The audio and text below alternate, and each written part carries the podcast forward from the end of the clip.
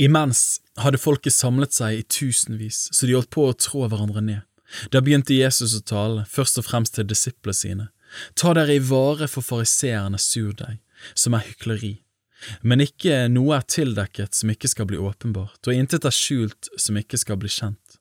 Derfor skal alt det som dere sier i mørket, bli hørt i lyset, og det som dere hvisket noen i øret inne i kamrene, skal bli ropt ut på hustakene.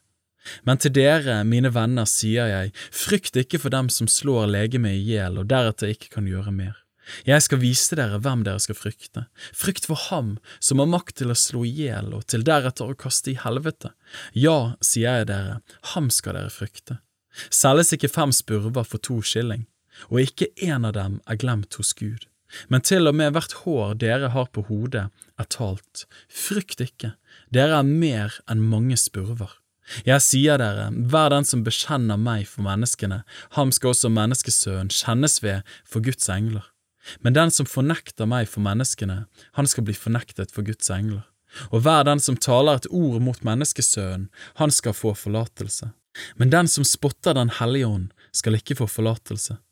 Men når de fører dere fram i synagogene og for øvrigheter og myndigheter, så vær ikke bekymret for hvordan eller hva dere skal forsvare dere med, eller hva dere skal si, for Den hellige ånd skal lære dere i samme stund hva som bør sies.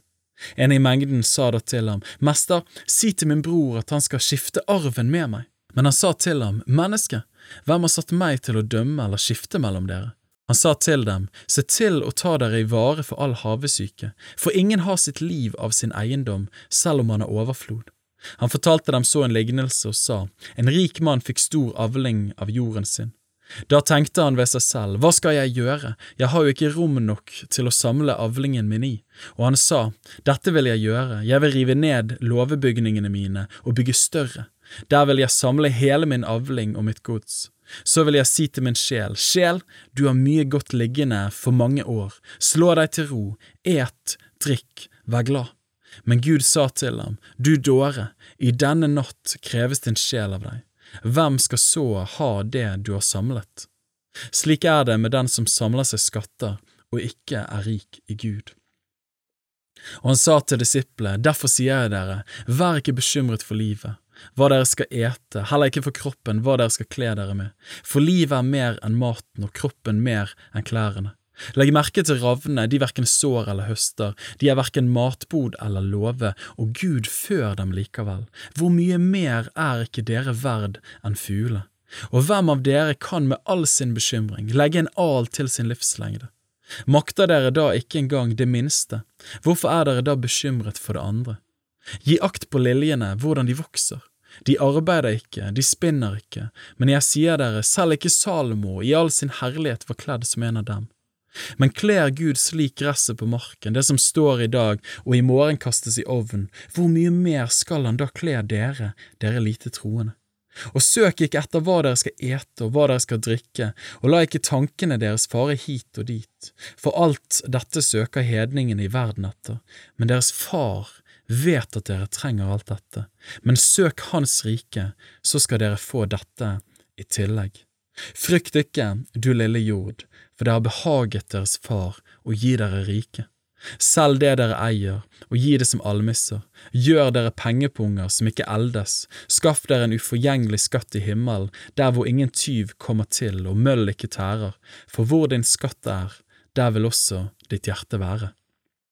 La hoftene være ombundet og lampene brenne, og vær dere som folk som venter på sin Herre når han vender hjem fra bryllupet, for at de kan åpne for ham straks han kommer og banker på. Salige er de tjenere som Herren finner våkne når han kommer. Sannelig sier jeg dere, han skal binde opp om seg og la dem gå til bords og selv komme og tjene dem. Og om han kommer i den annen eller tredje vakt og finner det slik, salige er de. Men dette skal dere vite, dersom husbonden visste i hvilken time tyven kom, da ville han ikke la ham bryte inn i huset sitt. Vær da også dere rede, for menneskesønn kommer i den time dere ikke tenker. Da sa Peter til ham, Herre, er det til oss du taler denne lignelsen, eller også til alle andre? Og Herren sa, Hvem er da den tro og kloke forvalter som Herren skal sette over husfolket sitt for å gi dem deres mat i rette tid? Salig er den tjener som Herren finner i ferd med å gjøre dette når han kommer. Sannelig sier jeg dere, han skal sette ham over alt han eier. Men dersom denne tjeneren sier i sitt hjerte, Min Herre dryger med å komme, og han gir seg til å slå tjenerne og pikene og ete og drikke og fylle seg, da skal denne tjenerens herre komme en dag da han ikke venter det, og i en time som han ikke vet, og han skal hogge ham ned og gi ham del med de vantro. Den tjener som kjente sin herres vilje og ikke stelte i stand eller gjorde etter hans vilje, skal få mange slag. Men den som ikke kjente den og gjorde det som fortjente slag, han skal få færre slag. Hver den som mye er gitt, av ham skal mye kreves, og den som har fått mye betrodd, av ham skal dess mer fordres. Ild er jeg kommet for å kaste på jorden, og hvor jeg skulle ønske at den alt var tent. Men en dåp har jeg å døpes med, og hvor jeg gruer til den er fullført. Tror dere jeg er kommet for å gi fred på jorden? Nei, sier jeg dere, men strid. For fra nå av skal fem i et hus være i strid med hverandre, tre mot to og to mot tre.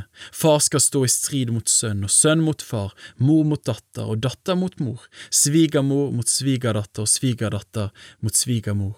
Og han sa til folket, Når dere ser en sky stige opp i vest, sier dere straks, Det kommer regn, og slik skjer det.